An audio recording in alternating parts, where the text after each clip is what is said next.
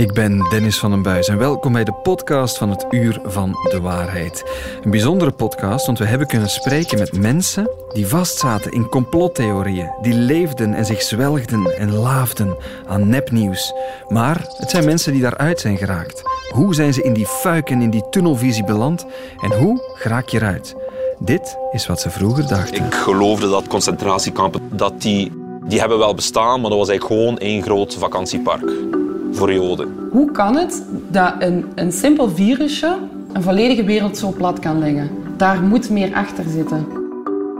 Bloed van baby's wordt gedronken door elites om uh, jong te blijven. Klimaatontkenners beweren dat klimaatverandering niet bestaat, geen probleem is of niet door mensen wordt veroorzaakt. Wel heel eerlijk, ik vind uh, Facebook eigenlijk nog iets gevaarlijker dan YouTube, omdat je een groep creëert. Complottheorieën maken je niet gelukkig. Integendeel. En ze maken je geen beter persoon. En ze gaan je geen succes doen kennen als je ze blijft volgen. Integendeel. Het uur van de waarheid. Ik zit hier niet alleen om het over dit boeiende thema te hebben. Collega Tim Verheijden is erbij. Tim, Dag, welkom. Je hebt met al die mensen kunnen spreken, Daar gaan we het zo meteen over hebben. Dian van Huistee is er ook onderzoeker misinformatie aan de Vrije Universiteit Amsterdam. Dian, ook welkom voor jou. Dankjewel. En Christophe Busch van het Hannah Arendt Instituut, dat zich buigt over radicalisering en alle gevolgen voor de samenleving. Christophe, ook welkom. Dankjewel. Tim, laat ik bij jou beginnen. Je hebt die mensen die we daarnet hoorden kunnen spreken. Hoe moeilijk was het eigenlijk om mensen te vinden die wilden getuigen over het feit dat ze ja, vastzaten in een wereld van complotten? Toch wel bijzonder moeilijk om als je er enerzijds uit geraakt, dan is het toch wel een gevoel van schaamte om daar nadien over te praten. Anderzijds is het ook zo gewoon zo dat mensen die misschien neigen naar complotdenken, maar niet helemaal heel ver weg zijn in wat men wel eens noemt de fabeltjesfuik, dat die niet graag spreken met een journalist van de VRT, omdat zij vinden dat wij deel uitmaken van de elite van het systeem, dat een bepaald verhaal, een bepaald narratief mee in stand houdt natuurlijk. Dus het was bijzonder moeilijk, maar het is uiteindelijk wel gelukt en daar ben ik blij mee. Ja, want uh, Dian, jij onderzoekt de invloed van misinformatie. In jouw onderzoek kom jij ook met zulke mensen in contact bijvoorbeeld? Nee, eigenlijk niet. Nee, ik kijk echt naar het effect van de correctie. En wij gebruiken ook echt misinformatie die we zelf fabriceren, omdat we weten dat de misinformatie een effect blijft houden, ook al corrigeer je het. Dus dat is echt best wel moeilijk. Oké, dus het wordt ook voor jou een heel boeiende uitzending. Ja, zeker. Want we gaan heel veel te horen en, en, en te verwerken krijgen. Christophe, ja, complottheorieën, ze zijn misschien van alle tijden, maar ze kunnen grote gevolgen hebben. Jullie zijn daarmee bezig bij het Hannah Arendt Instituut. Hè? Absoluut. Um, ja, de geschiedenis toont heel veel complottheorieën, episodes, maar natuurlijk ook complottheorieën die een gehele groep, zelfs een gehele samenleving, uh, giftig kunnen doen afglijden naar heel gewelddadig gedrag. En dan, uh, ja, dan wordt het wel uh, heel gevaarlijk natuurlijk. Mm -hmm. Ja, Tim, want jij onderzoekt het. Jij bent ook een beetje gezicht bij VRT Nieuws van alles wat daarmee te maken heeft. Jij krijgt ook regelmatig berichten van mensen over wat je daarnet zei, van ja, we zijn van de VRT. Dat is niet makkelijk als het over complotten gaat. Nee, ik, ik krijg elke dag berichten van mensen die mij sturen naar kijk eens naar deze documentaire. Die moeten aantonen dat wat jij daar zegt en vooral jouw collega's die bezig zijn met corona, dat dat toch niet helemaal klopt. En dan voel ik ook wel dat het heel diep zit en dat corona toch heel ontwrichtend was voor de maatschappij. Ik kreeg onlangs nog dit berichtje. Tim, wat de overheid ons heeft aangedaan is onvergetelijk en onvergeeflijk. Ik lees het even voor. Het voelt als een oorlogsmisdaad. Misschien harde taal, maar dat is het gevoel dat ik eraan overhoud. Geloof me, niet alleen ik, een hele grote groep mensen wereldwijd wil gerechtigheid. En die mensen gaan vandaag de dag op zoek naar de waarheid, die ze niet zien op televisie of lezen in de kranten. En die waarheid, ook al klopt ze niet, is voor een deel natuurlijk wel te vinden online onder de noemer tenminste voor mij toch, desinformatie en complotdenken. Ja, je hebt ze kunnen spreken, ook in het kader van een grote canvasreeks die je daar rond uh, gaat maken. Vanaf 8 december gaan we er alles over horen en gaan we ze kunnen bekijken. Maar laten we misschien beginnen bij het begin. Hoe geraken mensen verstrikt in een web van fake news, een andere realiteit? Laten we eens luisteren naar hoe dat ging in het geval van Deborah. Ik ben daar eigenlijk in beland uh, door enerzijds toen nog een nauw contact uh, met een aantal familieleden te hebben. Waarvan dat er al een paar waren die sowieso al bezig waren met complottheorieën nog voordat corona er was. Als wij dan samenkwamen, werd daar eigenlijk niet anders dan over corona gesproken en over het feit dat de overheid daar verkeerde beslissingen in was aan het nemen, uh, dat burgers daar de dupe van werden, uh, dat in de, op de lange termijn dat onze vrijheid zou afgenomen worden. En mijn eerste wantrouwen ten opzichte van de overheid en ten opzichte van de media is echt begonnen met toen dat ze naar buiten kwamen met die mondmaskers. Dat er een hele partij mondmaskers werd uh, verbrand of, of werd weggestoken. Ja, ik ben journalist, ik weet hoe dat ik moet factchecken. En toch heb ik ook heel zwaar getwijfeld aan bepaalde feiten die mee werden gegeven. Ja, dat was uh, Deborah. Voor alle duidelijkheid, dat dacht ze. Ze zit niet meer vast in die complottheorieën. Daarover getuigt ze straks ook. Maar Diane, ik wil misschien even naar jou doorsteken. Ze zegt ook, ik ben journaliste. Je zou verwachten, iemand met een profiel dat gewend is om dingen te checken. Iedereen lijkt vatbaar voor complottheorieën. Hoe zit dat wetenschappelijk? Nou ja, sowieso. Het was, met corona was het natuurlijk een tijd van veel onzekerheid. En als we onzekerheid ervaren, zijn we op zoek naar antwoorden. Redenen waarom de wereld zo is. We willen structuur, we willen vatbaarheid. En dan zijn we natuurlijk ook gewoon meer vatbaar voor complottheorieën. En in het geval van Deborah hoorde ik dus dat haar omgeving ook al wel bezig was met complottheorieën voor corona. Als je dan tijdens corona eigenlijk alleen maar contact hebt met die mensen, ja, dan heb je natuurlijk ook helemaal geen, geen tegenspraak. En dan kom je daar natuurlijk ook heel erg in. En ja, in tijden van angst, ja, nog meer op zoek naar antwoorden. Mhm. Ik denk wel dat het echt meespeelt. Ja. corona was dus niet alleen isolatie op het vlak van sociale contact, maar ook informatie-isolatie. Dank jou knikken, Christophe. Ja en nee, eigenlijk zou ik zeggen. Langs de ene kant uh, heb je natuurlijk een, een, normale isolatie, want je, bent, ja, je zit thuis, je gaat niet meer op café, je hebt allerlei normale sociale interacties niet meer, maar je verschuift wel naar die virtuele wereld, waar er natuurlijk informatie stroomt of zelfs informatie stormt. En dat maakt als je niet op café bent en je gaat dan uh, in bepaalde platformen, Facebook, Twitter, natuurlijk daarin de wereld gaan bekijken op momenten van ja, heel disruptieve gebeurtenissen, hè, oorlog, pandemie, eh, noem maar op, ja, dan, dan zie je plotseling een heel nieuw referentiekader passeren. En dat maakt dan natuurlijk mensen dan ja, opnieuw op zoek gaan naar waarheid, opnieuw op zoek gaan naar feiten of meningen. En dat maakt dat je daar plotseling vanuit je isolement in nieuwe werelden kan binnentreden. En ja, dan wordt het wel gevaarlijk als je ziet welke inhoud sommige van die informatiestormen met zich meedragen. Ja, de hamvraag is natuurlijk, wat is fake news en wat niet, hè, Tim? Dat is, dat is de hamvraag. Ja, wat is fake news? Als je gaat kijken naar fake news, je vertaalt dat, dan heb je nepnieuws. En dan kan je zeggen, een nepnieuwsbericht, je neemt een foto, je plakt daar een sensationele headline boven en je verzint daar een tekstje bij en je hebt iets wat lijkt op een nieuwsbericht, maar volledig verzonnen is. Dat valt nog te ontkrachten met een aantal tips hoe je dat kan herkennen. Maar daarnaast vat de term fake news voor mij helemaal niet meer de complexiteit van het probleem vandaag. Daarom dat we spreken over desinformatie, gemanipuleerde informatie, die bewust de wereld wordt ingestuurd om mensen wat te doen geloven, om verwarring te zaaien. En misinformatie. Misinformatie, als ik een mail krijg in tijden van corona van een onkel, die zegt van Tim, dit moet je eens lezen, dit legt perfect uit hoe de Chinezen daar in een lab in Wuhan het coronavirus hebben laten ontstaan slag om de arm. We weten nog niet alles tot in detail. Mhm. Maar dat doet die persoon om mij te informeren, omdat hij op zoek is naar de waarheid, wat gebeurt er helemaal. Maar tegelijkertijd zit je met zoveel vormen van desinformatie. Ik word de laatste dagen getagd in een documentaire die pas verschenen is, die ik toch eens moet kijken, volgens, uh, volgens sommigen, waarin dat uitgelegd wordt hoe het komt dat, er, dat je vaak leest in een krant, deze persoon is plots gestorven. Je leest dat, jonge mensen, oudere mensen om een onverklaarbare reden sterft plots iemand. En dat wordt dan in die documentaire gelinkt aan vaccins. Maar als je daar een beetje naar onderzoek naar doet, dan zie je dat in die documentaire dingen worden aangehaald die perfect te weerleggen zijn, die zelfs niet eens met vaccins hebben te maken. Dus dingen worden uit de context gehaald. Maar dat moet dan wel gebeuren. Dat moet gebeuren, dat... maar dat kost veel werk. Maar die documentaire is zo goed gemaakt en is zo'n meeslepend verhaal dat als je op zoek bent naar bepaalde informatie, je daarin gaat geloven. Dan heb je nog de deepfakes, technologie die mensen dingen laat kunnen zeggen die nooit gebeurd zijn.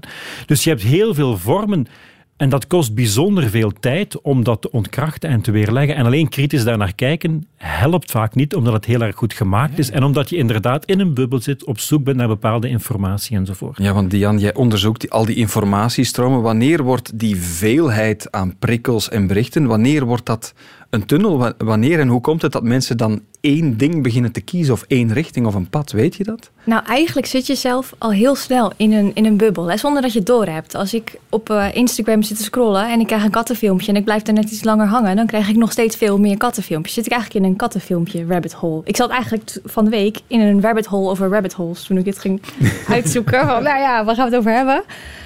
En ehm, dat hoeft helemaal niet per se een probleem te zijn, want je hebt het eigenlijk niet eens door. Pas op het moment dat je iets ziet wat je raar vindt, dan denk je, nou, hè, dat past eigenlijk helemaal niet in mijn wereldbeeld. Want met name de confirmation bias speelt hier een rol, waardoor je in die juist? rabbit hole eh, komt. Dat is ehm, het feit dat je op zoek bent naar informatie die in jouw wereldbeeld past, die aansluit bij jouw mening. Eh, Dus mensen zoeken eigenlijk meer bevestiging Precies. van wat ze willen Ja, denken dan echt Ja. wat de feiten misschien zijn. ja, En dan kan het snel gaan. Ja, want dan ga je natuurlijk helemaal niet twijfelen. Dan denk je gewoon, ook als jij eh, het- je teen hebt gestoten en je gaat googlen wat het zou kunnen zijn. En je denkt, oh, dat klopt. Dan ga je niet verder zoeken. Dan denk je gewoon, dat is het. Maar kan je dat herkennen als, als je daarin zit? Want dat lijkt me heel erg moeilijk. Ik kan zeggen van iemand of denken, ik denk dat jij in de rabbit hole zit, maar die persoon zelf heeft dat misschien vaak niet door. Zoals er waarschijnlijk ook tips zijn om ja, nepnieuws te herkennen, die bestaan. Maar hoe kan je dat bij jezelf herkennen eigenlijk? Kan je dat beseffen? Ja, dat is echt heel moeilijk. Pas op het moment dat er net iets niet klopt, heb je door. Mhm. Maar Ja. zelf, ja, kritisch nadenken. Maar dat doe je dan eh, als je bijvoorbeeld in een rabbit hole zit over, over coronamaatregelen. Ga je natuurlijk alleen maar kijken naar wat anti-establishment is. Oké, een van de getuigen wil ik er nog eens bij halen. Een andere man die je hebt kunnen spreken, eh, Anton, die een heel ja, pakkend en treffend historisch voorbeeld geeft van alles wat we daarnet gezegd hebben, van iets waar hij rotsvast in geloofde. Ik geloofde dat er een groot Joods complot was. Zoals het feit dat concentratiekampen, dat die, die hebben wel bestaan, maar dat was eigenlijk gewoon één groot vakantiepark voor Joden. Daar staat blijkbaar een zwembad in Auschwitz. Ehm, waarschijnlijk was dat zwembad daar voor de kampbewakers of het personeel of eender wat. Dus geven bepaalde complotdenkers daar een reden voor. En voor hen de reden was omdat het een vakantiepark was. Omdat de mensen het daar eigenlijk heel goed hadden. En daar werden mensen niet afgemaakt op een industriële schaal, zoals de dag van vandaag al verschillende malen is bewezen. En je denkt dat je dit weet en alle andere mensen zijn dom, want ze geloven in eh, het mainstream narratief dat concentratiekampen dat dat vreselijke kampen waren. Maar ik weet wel beter. Ik weet wel dat het gewoon vakantieparken waren en de rest is gewoon propaganda, gestuurd door een Joodse elite. Ja, Christophe, dan zitten we in jouw winkel natuurlijk. Radicalisering, extremisme, de holocaust erbij. Is dat een bekend voorbeeld dat we hier horen? Ja, dat is een bekend voorbeeld. En natuurlijk, dat is eh, ook een, een, voorbeeld van de complexiteit van die kampgeschiedenissen. Eh, er zijn meerdere waterbassins in Auschwitz. Het bassin waar hij naar refereert staat in Auschwitz 1. En dat is eigenlijk daar geplaatst omwille van kampen die ook verzekerd werden. En kampen die in hout zijn gebouwd, ja, als die in brand schieten, heb je bluswater nodig. Dus dat is eigenlijk de reden waarom die waterbassins daar zijn. Maar als je natuurlijk aan een waterbassin ook een trapladder zet en een duikplank, want dat bassin kan ook voor andere functionaliteiten gebruikt worden, dan krijgt dat een zwembad uiterlijk. En het is ook af en toe gebruikt als een, een zwembad. En dat toont die complexiteit. In Auschwitz 2 was er een voetbalveld, hè, waar zelfs eh, gevangenen met bewakers gevoetbald hebben. En dat is onverstaanbaar. Zeker als je natuurlijk de gruwel die in Birkenau zich heeft afgespeeld eh, gaat gaan kennen. Maar dat toont dat die maatschappelijke realiteit zo complex is. En natuurlijk pikt men daar één ding uit. Men gaat dat helemaal gaan als een soort bewijs gaan zeggen van ja, dat was een vakantiekamp en dat was ontspanning, maar was een zwembad. En dan denk ik, ja, dat is wel een beetje absurd dat je dat ene daaruit pakt en dat herframet en dan wel de miljoenen andere bewijzen eventjes gezellig in de kast laat liggen. Ja, bedoel, er zijn onnoemelijk veel bewijzen van de holocaust. Dus We zitten natuurlijk ook in een visuele cultuur waar het snel gaat, wat- waar mensen niet vaak lange teksten lezen, maar enkel naar foto's kijken, naar de titel. Dat Ja. is in dit verhaal een, een moeilijkheid, of misschien wel ja, olie op het vuur van, van die mensen die Absoluut. dat denken. Het is een, een snel visueel frame dat dat ja, heel erg snel kan binnenkomen. En we kennen dat eigenlijk ook. En dat is een beetje wat we ook uit de geschiedenis wel gaan leren. Als je kijkt hoe je trends van waarheidsverval gaat hebben, dan zie je toch vaak dat dat ook te maken heeft met nieuwe informatietechnologie. En als ik dan de koppeling met het nationaal socialisme wil maken, wat gaan zij eigenlijk gaan doen? Ze gaan op magistrale wijze het beeld als een marketinginstrument gaan gebruiken. En ze zullen in de jaren 30, en zeker 33 als ze de concentratiekampen installeren, gaan ze op een heel visuele wijze concentratiekampen als heropvoedingsinstellingen, als plaatsen waar het goed vertoeven is, waar je kan ontspannen, waar je aan sport en spel kan doen en zo verder. En ze gaan twee jaar lang, gaan ze dat in alle dagkranten, gaan ze daar beelden, bewegend beeld, video-opnames van maken en dat gaan verspreiden. En dat is natuurlijk een en al bedoeld om het concentratiekamp ja, op een heel andere wijze in de samenleving te gaan representeren. Maar die bronnen bestaan nog. En dan gaan mensen natuurlijk vandaag gaan zeggen, ja maar kijk eens naar dat beeld, dat toont toch aan dat... Ja nee, dat is de nazi-visuele framing die toen gebruikt is in 1933. Er was toen al terreur, maar dan heb je natuurlijk ook de kampen tijdens de oorlogsjaren, waarin er een industrieel vernietigingsmachinerie is opgezet. Ja, ja dus dat wordt dan weer even praktisch of tactisch vergeten. Tim, ehm, wat er toen in de jaren 30 gebeurde, dat circuleert nog ergens. Nu kan alles in een veelvoud natuurlijk op het internet en op alle sociale media circuleren. De rol daarvan, kunnen we die onderschatten of overschatten liever? Die is jammer genoeg fenomenaal. In die zin dat de sociale media ons altijd beloofd hebben om mensen dichter bij elkaar te brengen, aan community building te gaan doen. En dat lijkt de dag van vandaag net het tegenovergestelde zijn. Wat ik persoonlijk heel jammer vind. En dat de grote technologiebedrijven ons eigenlijk niet waarmaken wat ze ons beloofd hebben. En je ziet dat ook bijvoorbeeld bij Deborah, die zegt van kijk, er gebeurt er iets, zo'n virus die mondmaskers, ja, daar waren misschien wel wat vragen bij te stellen. En dan ga je op onderzoek uit natuurlijk. En dan kom je in bepaalde Facebookgroepen terecht, op bepaalde YouTube-kanalen terecht, waarin er allerlei bewijzen, maar dan tussen aanhalingstekens worden ja, getoond, geformuleerd, om inderdaad te zeggen dat er meer aan de hand is. En dan kom je ook bijvoorbeeld in groepen terecht, want Deborah vertelde dat ook tegen mij, van kijk, als ik dan toch bij een aantal verhalen, een aantal narratieven een vraag had, en ik formuleerde die vraag, ja maar goed, wat jij daar zegt, dat klopt toch niet helemaal? Ja, dan word je bijna weggepest. Dan word je, moet je eigenlijk je mond houden. Dus je zit daar in een bepaald denkpatroon en als je er probeert tegenin te gaan, ja, dan moet je eigenlijk zwijgen. Gelukkig is hij daar uitgeraakt, maar je ziet dat wel gebeuren. Je, je neemt eigenlijk de mening en de visie en de ideeën over van de groep natuurlijk. En de algoritmes, hè, de, de machinerie, de wiskunde achter onze tijdlijnen, die versterkt dat natuurlijk nog. Vandaag de dag heeft YouTube en Facebook dat wel wat proberen uh, aan te pakken, maar je ziet toch wel toch dat die groepsdynamieken, dat dat groepsdenken toch nog altijd bestaat natuurlijk. Dan is de vraag, hoe zijn onze twee getuigen daaruit geraakt en wat is de rol van fact-checking daarin? Dat gaan we uh, straks uitzoeken, want eerst maken we opnieuw plek met heel veel plezier voor onze vaste rubriek. Het uur van de waarheid. De checkers. Te midden deze special over complottheorieën is er één iemand heel echt. Hij is hier voor mij. Het is geen fake news. Het is de chef van onze factcheck-redactie. Luc van Bakel, welkom. Dag Dennis. Luc, ja, opnieuw zijn er heel wat zaken die zijn opgedoken. We blijken vatbaar voor nepnieuws, dat hebben we daarnet al gehoord. En je wil de opmerkelijke verhalen en de checks van deze week meegeven. En beginnen doen we met filmpjes die rondgingen over ja, de oorlog in Oekraïne met dode Russische soldaten in die filmpjes. Ja, uh, in een van die filmpjes zie je inderdaad een tiental dode mannen liggen in een uh, Russisch legeruniform. En er wordt bij beweerd dat het om Russische uh, krijgsgevangenen gaat. En die zijn doodgeschoten door de Oekraïners. maar, ja, zoals altijd, klopt dat wel. collega's Tom Buitaert en Jeff Kouwenbergs die hebben die beelden onderzocht. Ja, die beelden zijn daadwerkelijk authentiek. Het gaat om verschillende beelden die werden opgenomen in Makivka. Dat is een dorpje in het oosten van Oekraïne. Um, er zijn inderdaad een tiental Russische soldaten daar neergeschoten door Oekraïnse militairen. Maar wat we niet met zekerheid kunnen zeggen is dat die echt geëxecuteerd werden of dan wel omkwamen in een soort vuurgevecht. We zien op de beelden bijvoorbeeld, op een gegeven moment komt er een gewapende Russische soldaat naar buiten en die opent het vuur op die Oekraïners. Daarna wordt het beeld plots heel wazig en zien we in een volgende droneshot plots allemaal Russische doden. Wat voor ons onduidelijk is, is of die doden zijn gevallen bij een vuurgevecht dat daar ontstond, of dat die later opzettelijk zijn geëxecuteerd.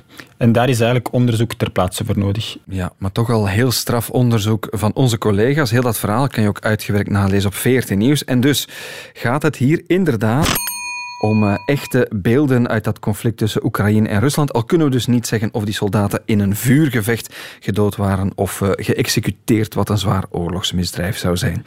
Luc, je neemt ons mee naar een heel ander deel van de planeet. We gaan naar de Noordpool, want er duiken berichten op dat er op dit moment, in 2022, in tijden van klimaatopwarming en van mislukte klimaattops, dat er nu meer poolijs ligt dan tien jaar geleden. Hoe zit dat allemaal? Wel, het gaat om een grafiek die gedeeld wordt en nogal veel gedeeld wordt. En uit die grafiek zou moeten blijken dat er dus nu uh, meer ijs ligt dan tien jaar geleden in 2012. En de bijhorende boodschap is dus inderdaad ja, geen reden tot klimaatpaniek. Uh, nu, de collega's van FactCheck Vlaanderen die hebben dat verhaal uitgezocht. En ook wij hebben die grafiek eens voorgelegd aan een specialist, met name aan professor en glacioloog Frank Patijn. 2012 was een uitzonderlijk jaar met zeer weinig zeeijs. En eigenlijk kan het nadien alleen maar wat meer zeeijs komen. Je moet dat zien eigenlijk als je zo'n korte periode beschouwt, is dat eigenlijk cherrypicking. Je kiest er zomaar een kleine periode uit waaruit blijkt dat er eigenlijk maar weinig gebeurt. Maar je moet zoiets zien op een langere termijn. Klimaat is over verschillende decennia. En als we over de laatste 30 jaar kijken, dan zien we duidelijk een tendens van afname van het zeeijs in het Noordpoolgebied. Oké, dus samengevat, ligt er nu evenveel of zelfs meer ijs daar dan in 2012? Ja, dat kunnen we waarschijnlijk zeggen, maar wil dat dan zeggen dat er geen klimaatproblemen zijn? Nee, want het is cherrypicking, onthoud ik. Eh, als je dus die cijfers sinds de jaren 80 bekijkt, duidelijk een dalende trend. Als we dan over social media spreken en dingen die de ronde doen, dan zitten we vaak ook bij Twitter met een nieuwe baas, Elon Musk. En die man zelf duikt ook heel vaak op op Twitter in filmpjes, Luc. Ja, en uh, in eentje haalt hij bijvoorbeeld heel stevig uit naar de Nederlandse premier uh, Mark Rutte, die hij dan een dictator uh, noemt. En er is er nog een andere die bijna 11 miljoen keer al bekeken is op TikTok, dus dat is enorm veel. En daarin legt Musk uit hoe hij, en ik citeer Dennis, zeurende liberale huilbaby's eruit heeft gegooid bij Twitter. En dat klinkt dan zo. So I just fired all of the crybaby liberals working at Twitter, but I wanted to do it in a fun way. So I had my intern Tyler create this app called Parrot that uses artificial intelligence to clone voices. Omar, you're fired. Jack, you're fired. Tim, you're fired. En was dat nu ook de stem van Donald Trump erbij, Luc? Dat was effectief de stem van Donald Trump. Uh, maar zijn die uh, beelden nu echt Dennis, dat vroegen we aan eh, Xander Steenbrugge. En dat is een specialist in deepfake-video's. Dus ik heb even naar die filmpjes gekeken. En beeldmateriaal is eigenlijk wel echt. Dat zijn echte videobeelden die van Musk gefilmd zijn. Maar wat eraan veranderd is, is de audio. Dus de audio van die video's die is synthetisch gegenereerd met bepaalde AI-technieken. Ehm, dus het beeldmateriaal is echt, de audio is fake. En als je heel goed oplet, dan zie je bijvoorbeeld dat uh, de lippen van Elon Musk niet altijd helemaal correct bewegen volgens wat, die, wat je hoort. Dus als je heel gedetailleerd kijkt, dan zie je wel dat er iets niet klopt. Oké, dus de beelden zijn echt, maar heeft Elon Musk dat allemaal gezegd? Zever! Gezever! Ze zijn dus bewerkt met artificiële intelligentie. Weten we eigenlijk wie dat doet? Of die beelden van Musk in andere contexten verspreidt? Dat komt van uh, eigenlijk verschillende kanalen. Uh, en waarom komt dat van verschillende kanalen? Omdat er uh, tegenwoordig ook heel veel verschillende apps bestaan die heel gemakkelijk en in enkele minuten een stem zeer realistisch kunnen namaken. Hè. We dachten ook dat we Trump hoorden. Dat was ook nagemaakt, voor alle duidelijkheid. Dus die filmpjes die zijn niet zo heel moeilijk te maken als je een duidelijk beeld hebt. Maar voorlopig zijn ze dus ook nog redelijk gemakkelijk uh, te ontmaskeren. Maar die technieken worden ook alsmaar beter. Dus misschien dat dat in de toekomst ook wel moeilijker wordt om uh, ja, te herkennen. Een tendens die we hier in de gaten houden. Al die verhalen kunnen we natuurlijk nalezen op de pagina van thecheckers.be. En mensen die, die vragen hebben of tips, die kunnen ook bij ons terecht, lukken. Die kunnen mailen uh, naar het uur van de waarheid radio1.be. En wie weet checken we wel de vraag waar jij mee zit. Lukt tot volgende week? Tot volgende week. Het uur van de waarheid. Nog altijd in onze special deze podcast rond mensen die vastzitten in complottheorieën en daaruit proberen te komen met uh, collega Tim Verheijden, met Jan van Huistee, uh, onderzoeker misinformatie aan de Vrije Universiteit Amsterdam en Christophe Busch van het Hannah Arendt Instituut. Laten we misschien in dit tweede gedeelte is onderzoeken, heeft dat eigenlijk wel zin? Wat Luc en wat wij heel de tijd doen, je, daarnet gedaan heeft. Je ziet ook hoe moeilijk het is. Dennis, ja. al die voorbeelden, je hebt deepfakes van Elon Musk, je moet al weten hoe dat je cijfers en data moet interpreteren, hoe dat je naar beelden moet kijken. Dat is fenomenaal hoor. En dat, bijvoorbeeld dat ijs, dat klopt hè, die, die statistieken. Het, het is maar hoe je het bekijkt of waar je vandaan komt, wat je wel of niet vertelt. Um, je hebt het ook voorgelegd aan een van de mensen die in de koker zaten, hè, Tim, of dat eigenlijk werkt, fact-checking. Dit is het antwoord van Anton, die dus ooit in een complottheorie gevangen zat. Het debunken of fact-checken op zich is een goede zaak. Maar mensen die, die heel diep in, in samenzweringstheorieën zitten, voor hen is dat gewoon de ruis. Als ik nu 22 was, dan was ik een hevig antivaxer. Ja? Ja. Heel die formule heeft wat een complottheorie wil. Het is tegen de, de overheid. Uh, je kunt er bepaalde elite mee linken, zoals Bill Gates, zoals Big Farm. Dan ging ik zeker uh, deelnemen aan betogingen. En zeker als ze waren verboden. Ziet, de overheid wil niet dat we betogen. Onze vrijheid wordt ingeperkt. Ja, het is eigenlijk heel duidelijk. Hè? Hoe meer mensen zeggen of instanties van dat klopt niet, dat mag niet, hoe meer mensen in een complottheorie blijkbaar gevoed worden in hun gedachten. Dian, hoe kan je daaruit geraken? Dat lijkt een vicieuze cirkel. Je hebt dat onderzocht, neem ik aan. Nou, niet per se over complottheorieën, maar we weten wel al dat zelfs als jij, als jij nog geen geloof, uh, een wereldbeeld over iets hebt gevormd, uh, dan nog is het al moeilijk om misinformatie te corrigeren. Laat staan als, die, als dat complot dan in, uh, in lijn is met jouw wereldbeeld. Het lastige eraan is natuurlijk ook dat er vaak wel uh, ergens een vorm van waarheid in zit, waar het complot op is gebaseerd. Dus of ze gebruiken een grafiek, die grafiek bestaat werkelijk, maar ze vertellen er een verhaal bij dat niet waar is. Of ze, er was laatst, een, nou ja, twee jaar geleden of zo, een um, kop over een arts die was twee dagen na zijn coronavaccinatie overleden. Dat was een feit. Mm -hmm. Maar de associatie die ge gecreëerd wordt, dat het door die vaccinatie kwam, die klopte niet. Hij had een hartaanval en dat stond los van, hij had al een achterliggende. Nou, ja, dat, dat zijn de omstandigheden waarin het kan ontstaan. Maar dan is de volgende stap, en daar wordt heel hard op ingezet vanuit de regering, vanuit de overheid. Tim zei ook al, we krijgen niet alles wat we mogen verwachten van die big tech bedrijven en die social media. Maar heeft dat dan wel zin, Christophe, als we dat gaan factchecken? Ik, ik denk dat je twee zaken uit elkaar moet houden. Langs de ene kant heeft uh, feitelijkheid binnenbrengen en gaan zeggen wat er werkelijk gebeurd is en wat de feitelijke basis, de bewijzen daarvoor zijn, is van belang. Maar niet zozeer voor de mensen die echt heel diep in die fuik zitten. Dat is veel meer voor de mensen die meelezen op het internet, die eigenlijk ook die berichten zien en dan plotseling ook het andere bericht zien van ja, maar de bewijzen zeggen iets anders. De mogelijk vatbaren, voilà, die nog niet helemaal vertrokken heel zijn. Heel erg van belang dat je daar met feiten, dat je correctie brengt, dat je ook argumentatie, dat, argumentatie dat je dat amplificeert, ja. dat je dat versterkt ook en zo verder.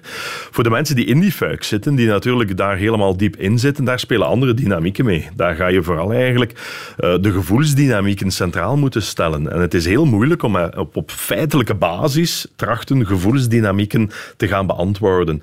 En als mensen dus angsten, onzekerheden, kwaadheden, frustraties hebben, ja, dan ga je niet met een statistische tabel moeten afkomen. Dan ga je op een andere manier een stuk die angsten en die onzekerheden moeten capteren. En, en zijn media daartoe in staat en journalistiek om dat te doen? Is dat ook de rol of wie moet dat op zich nemen? Ja, ik denk dat de media heeft natuurlijk een heel belangrijke rol. Waarom? Omdat ja, jullie versterken, jullie amplificeren, jullie hebben een bereik. Um, en ik denk langs de ene kant dat je natuurlijk voor dat eerste probleem. Hoe ga je mensen die vatbaar zijn ervoor zorgen dat die niet allemaal in die fuik terechtkomen? Heb je heel belangrijk iets. Langs de andere kant voel je natuurlijk ook wel dat zij die de, de feitelijkheden aandragen, zoals media, zoals academici, die natuurlijk via wetenschappelijk onderzoek bewijzen aandragen, dat zij net in het vizier komen. En ik denk dat het van belang is dat je uh, zeker ook voor die complottheoretici natuurlijk wel zegt van kijk, dit is de methodiek, dit is de wijze waarop wij aan nieuwsberichtgeving doen, dit is de wijze waarop wij aan wetenschappelijk onderzoek Heel doen. transparant ja. zijn eigenlijk. Heel transparant en ook de kwetsbaarheden meegeven. Ik bedoel, wetenschap werkt traag, uh, het werkt met falsificatie. We weten vandaag iets, maar morgen kan het zijn dat we weten dat wat we gisteren ja. weten verkeerd was en zo. Ja, zo werkt wetenschap. Wetenschap heeft niet de waarheid in zich. Wetenschap is een, is een proces, is een methode om Zodat tot waarheid een veranderende mening ja. ook weer niet geframed kan worden. Voilà als voilà. uh, ingegeven door een hogere instantie. Het is heel complex. Ik hoor jou ook zeggen, we moeten niet alleen het brein, maar soms ook de buik en het gevoel aanspreken. Ja, de feestdagen komen eraan, familiefeesten. Heel wat families sinds corona mijden het onderwerp of iemand zit snel op zijn paard, daar wordt niet over gesproken. Men ziet nonkel dit of tante dat, want iedereen is er vatbaar voor op Facebook dingen posten. Dian, zijn daar tips en tricks hoe je daar op menselijk vlak mee moet omgaan? Nou, het is sowieso belangrijk om mensen niet in een, in een hokje te plaatsen. Dus ga, wees niet denigrerend. Uh, we zijn allemaal mensen, we, hebben, we, zijn, we zijn allemaal vatbaar voor bepaalde complotten. Um, als je ze denigrerend behandelt, jaag je ze alleen maar weg. En zorg je ervoor dat het juist een hechtere gemeenschap wordt, waardoor ze alleen nog maar versterkt worden in de. Het aangevallen gevoel onjuist- creëert ja, een precies. klangevoel dan eigenlijk. Ja, precies. Ehm, en wat denk ik ook heel belangrijk is, is om vragen te stellen. Want als je maar blijft vragen, zorg je er ook voor dat uiteindelijk iemand geen correcte antwoord meer heeft. Als jij meteen gaat vertellen, ja, maar dat is niet waar, dan kan iemand heel makkelijk zeggen, jawel, want. Mhm. Terwijl als je gewoon maar blijft vragen, En is dat een, een goede manier om gewoon menselijk contact te onderhouden? Of ook een goede manier om ja, mensen de ogen te doen openen? Want dat is misschien de hamvraag.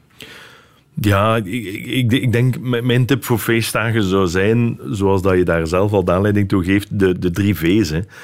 Vragen. Vraag eigenlijk wat mensen willen zeggen. En ze gaan soms iets heel ongelukkigs zeggen, maar eigenlijk de vraag is natuurlijk, wat ligt daaronder? Je gaat verbinden. Hè. Je gaat eigenlijk gaan kijken van, oké, gezamenlijk gaan we tot die oplossing moeten komen. En je gaat ook de problematieken moeten vermenselijken.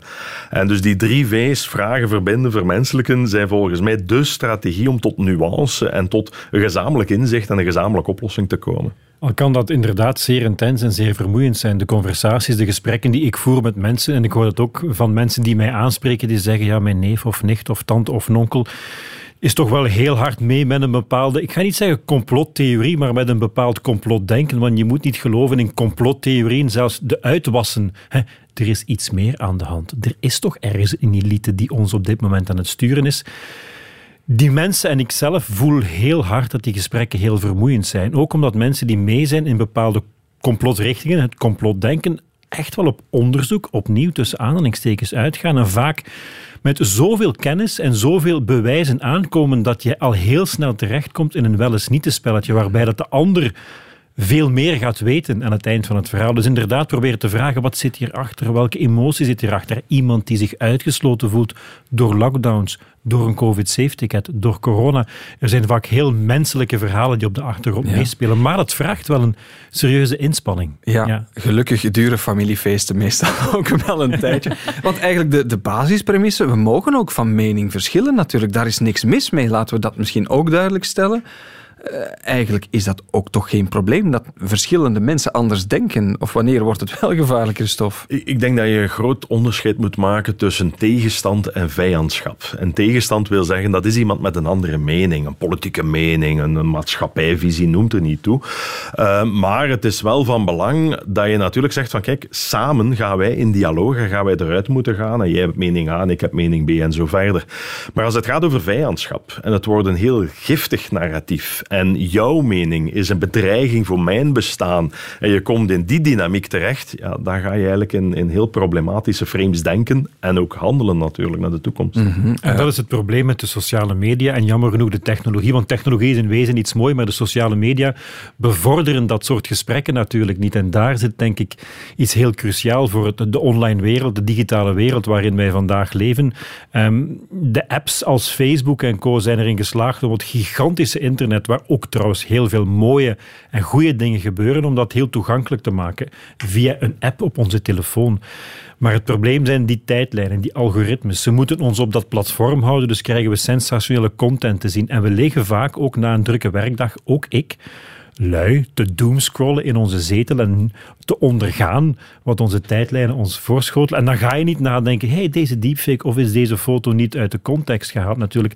En dat is een beetje het probleem met die sociale media de dag van vandaag. Dus zij slagen er voor mij niet in om die gesprekken, die waardevolle gesprekken die we zouden kunnen doen op en rond technologie, om die goed te organiseren. Integendeel, het is een modderpoel bij momenten van desinformatie en haat. Dat is eigenlijk mijn grootste kritiek naar die sociale mediabedrijven, dat ze in wezen in de kern iets heel moois hebben, maar er niet in slagen op dit moment om dat ook zo te doen. Met de bedenking erbij dat het misschien soms ook zo is dat de mens maakt van de sociale media wat ze ergens geworden zijn. En het menselijke is vaak ook van heel groot belang geweest, ook bij de getuigen die jij gesproken hebt, om uit die fuik, uit die tunnelvisie te geraken. Dit is opnieuw Deborah. Mijn huisgenoot op dat moment was ook een van de eerste die dat coronavaccin had gekregen, omdat hij apotheker is. Uh, en ik zag daar geen bijwerkingen bij. En toen begon ik te denken, misschien klopt dat niet helemaal. En dan ging ik regelmatig met hem in discussie.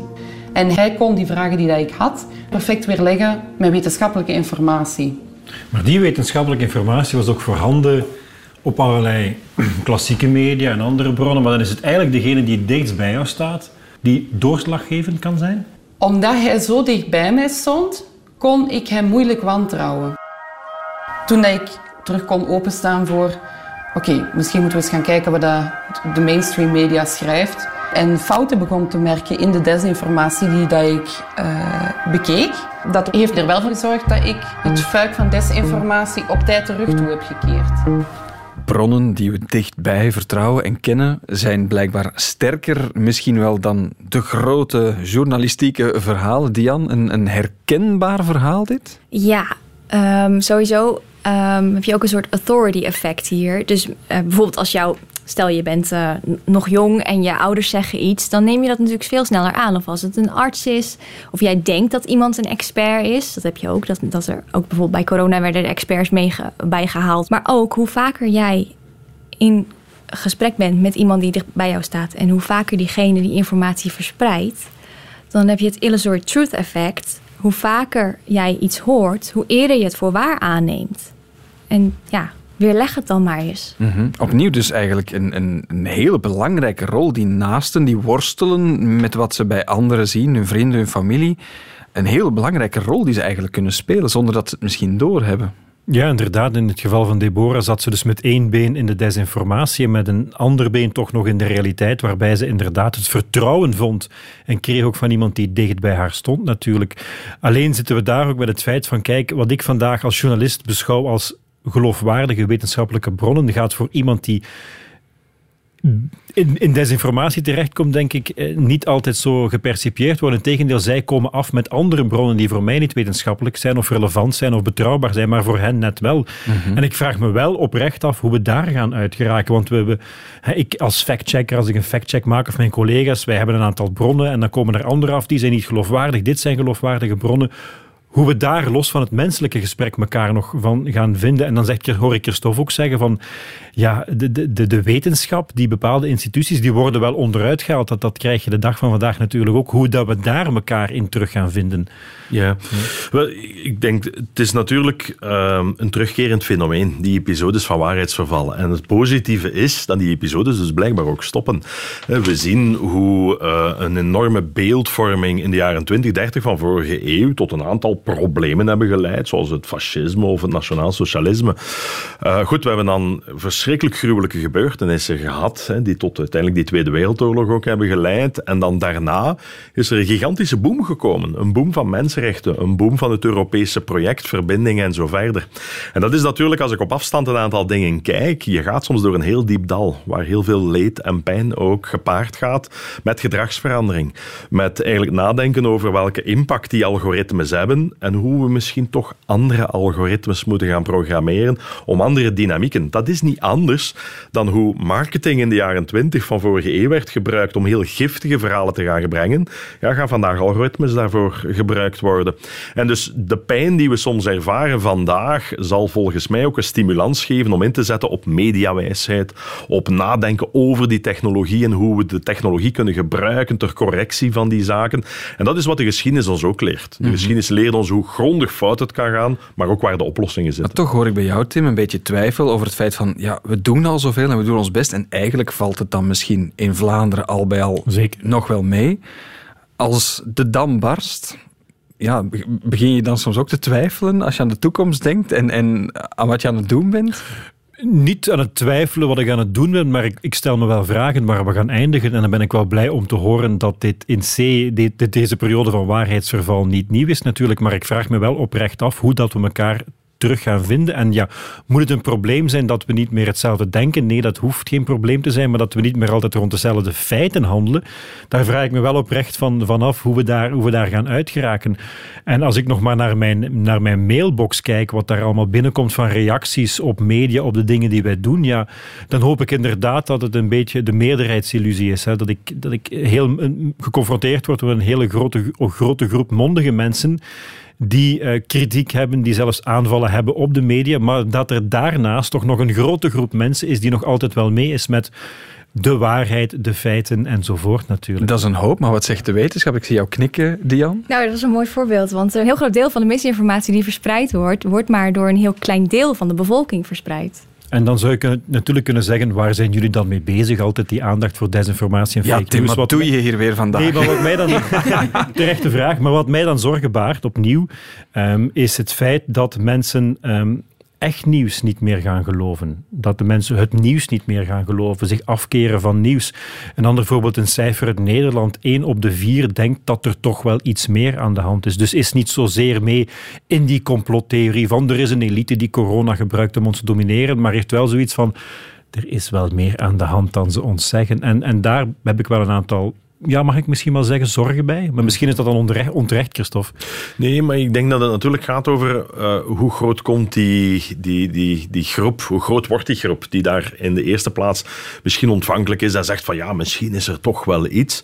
Als die groep groter wordt en dieper gaat in dat verhaal, dan begint het gevaarlijk te worden. Dan ga je gaan zien dat je mogelijk in de richting van uh, extreem denken, extremistische bewegingen gaat, of nog veel erger, zoals in de geschiedenis, waarin hele natiestaten afglijden in een bepaald mm. referentiekader. Want als ik dan teruggrijp naar wat jij eerder zei, stel dat er bepaalde groeperingen of partijen of bewegingen wel die buik aanspreken en anderen blijven enkel het hoofd aanspreken, dan kan er misschien wel veel gebeuren. Als je ook, ik las ook cijfers dat de helft van de Nederlanders wel vatbaar is voor het, uh, voor het idee dat er meer aan de hand is. Uh, ja dan kan er misschien veel gebeuren. Ja, absoluut. Het zijn niet de Nederlanders alleen. Hoor. Nee, het was een Nederlandse artikel. En, ja, voilà. En wat je gaat zien natuurlijk is een stuk de vraag dan van um, hoe kan je toch de, het afgeleidende effect gaan inperken? En dan is het toch altijd de taak van de media, van de wetenschap, om die twee talen te spreken. Wat zijn de feiten die je moet kennen? Maar ook luisteren naar wat zijn de angsten, de onzekerheden die ervoor zorgen dat mensen over het muurtje van de onfeitelijkheid gaan kijken. Mm -hmm. En als je die wegen bewandelt, dan denk ik dat je ja, hopelijk de verspreiding, de versterking, de vergroting wat een dam kan gaan opwerpen. Want angst is een belangrijke drijfveer. En ik wil ja, misschien bijna aan het einde nog eens teruggaan naar een van de getuigen. Anton, die jij gesproken hebt, Tim, die zei ook heel duidelijk dat ja, zijn persoonlijk welzijn en geluksgevoel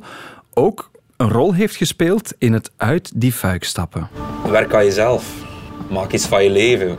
Want complottheorieën gaan het niet doen complottheorieën maken je niet gelukkig. Integendeel. En ze maken je geen beter persoon. En ze gaan je geen succes doen kennen als je ze blijft volgen. Integendeel. Dat is ook voor mij de reden geweest waarom ik er afstand van nam. Omdat ik iets van mijn leven wilde maken omdat ik besefte dat mijn toekomst in mijn eigen handen ligt. En de enige mensen die beter worden van complottheorie, dat zijn de complotdenkers. De, de mensen die die verhalen verspreiden. En deze twee voorbeelden tonen aan, het zijn de weinigen die willen getuigen, maar dat er ook wel een tegenbeweging uh, mogelijk is. En wie weet, we gaan er meer over ontdekken, Tim. Vanaf wanneer uh, loopt die canvas? Vanaf 8 december. Een hele nieuwe reeks. Ik ga al de gasten die hebben meegewerkt aan deze podcast eh, bedanken. Christophe Busch van het Hanne Arendt Instituut, dankjewel voor je komst. Graag gedaan. En natuurlijk ook helemaal vanuit Nederland tot bij ons gekomen, Dian van Huistee van de Vrije Universiteit Amsterdam. Dian, dankjewel. Bedankt dat ik mocht komen.